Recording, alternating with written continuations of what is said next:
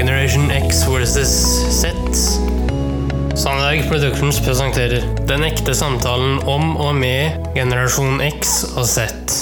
Hold deg fast og nyt. I dag tar vi opp temaet Hei, hei, kjære lytter, og hjertelig velkommen til uh, luke tre i vår lille julekalender her i Generation X versus Z. Uh, dagens tema er uh, mattradisjoner i russisk-ortodoks og jul.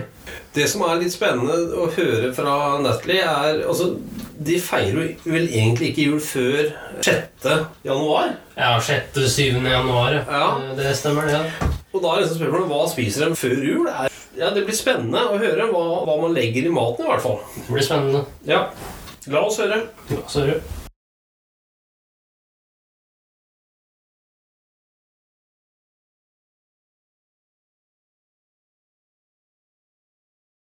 Well, the people usually eat borscht during Christmas.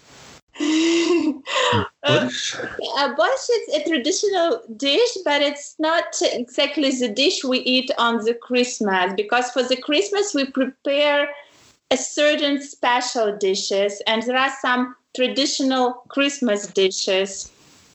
So, according to ancient Ukrainian uh, folk tradition, on Christmas Eve, yes, families get together for a festive dinner, and uh, and also what what was important that no one was late. So every member of the family needs to be on time to be ready on a christmas for the christmas dinners it starts uh, five six o'clock in the evening.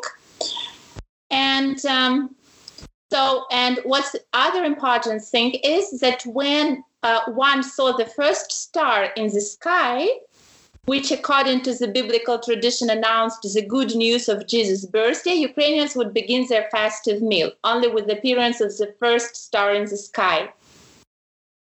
And then the most uh, uh, popular uh, dishes for this evening, for, for, for the Christmas Eve, the, those are actually 12. There should be 12 dishes at least on the table, not less than 12 and also bread can be considered as a dish as a dish because of course if a, a family is not that rich it cannot allow really to cook that, those 12 dishes that would be rich of different ingredients so even when one puts salt sugar or bread on the table it's still considered as one two three yes three dishes already on the table mm. so traditionally the Holy Supper includes the following dishes as. This is the most popular and specially made for Christmas. Kutya is a kind of a porridge that uh, has as a basic ingredient cereal, the special cereal, and then it's mixed with the uh, raisins, honey, nuts, uh, and maybe some um, slices of apricot, some like uh,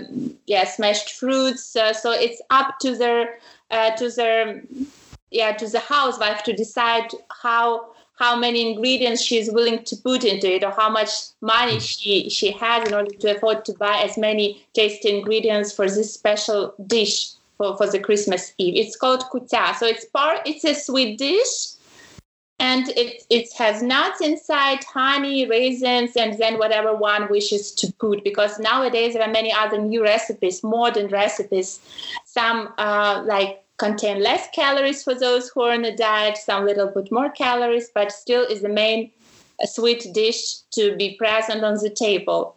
Mm-hmm. Then, as you asked me, borscht is also could be because it's vegetarian. If one cook it without uh, cooks it without meat, and um, uh, mainly also uh, it can be also served with the mushroom-filled mini dumplings.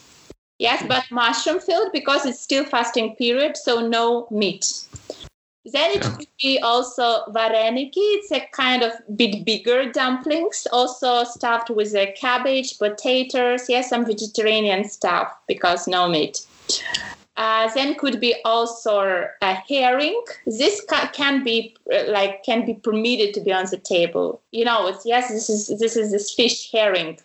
So mm. this still can be present on the table and considered to be one of those twelve dishes uh, sour uh, sauerkraut. Here's uh, this cabbage and beans, um, and also there is a special dried stewed fruit juice. It's called uzvar.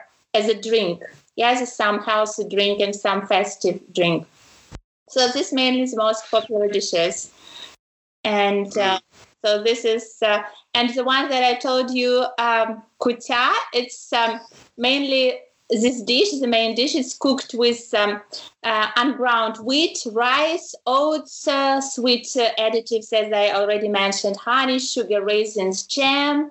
Uh, candied fruits, dried fruits, and whatever your soul wishes to put some extra inside and it may, it's normally very delicious and only for the Christmas to be designed. Mhm. Ja. Hva tenker du, kjære sønn? Nei, eh, jeg tenker jo det her er veldig interessant, akkurat det hun nevner her sånn. Ehm, Virka det godt? Jeg, jeg begynte å bli litt skeptisk til uh, maten. Ja, for etter min smak, da. Ne, altså Men eh, hva tror du? Altså ja, Ja, jeg vet ikke, altså. Nei, det kan jo være kjempegodt òg, da. Det, vi vet jo ikke. Nei, og det vi er vant til i Norge, vil jo antageligvis ikke de synes er noe godt. Ikke sant? Ja, Men det virka som at hun koste seg når hun fortalte det. Ja, Og det er kanskje det viktigste, da. det er det. I min mening, i hvert fall. Ja. Så bare uh, vent i spenning på luke fire. Og det er, kjære sønn Jo, hvis jeg ikke husker feil, så er det Nei, eh, du, det husker jeg ikke her og nå. Nei. Vi tar det som det kommer, vi, Henrik. Vi gjør det. Ja. Ha det godt så lenge, folkens, så, så høres vi igjen. Det gjør vi.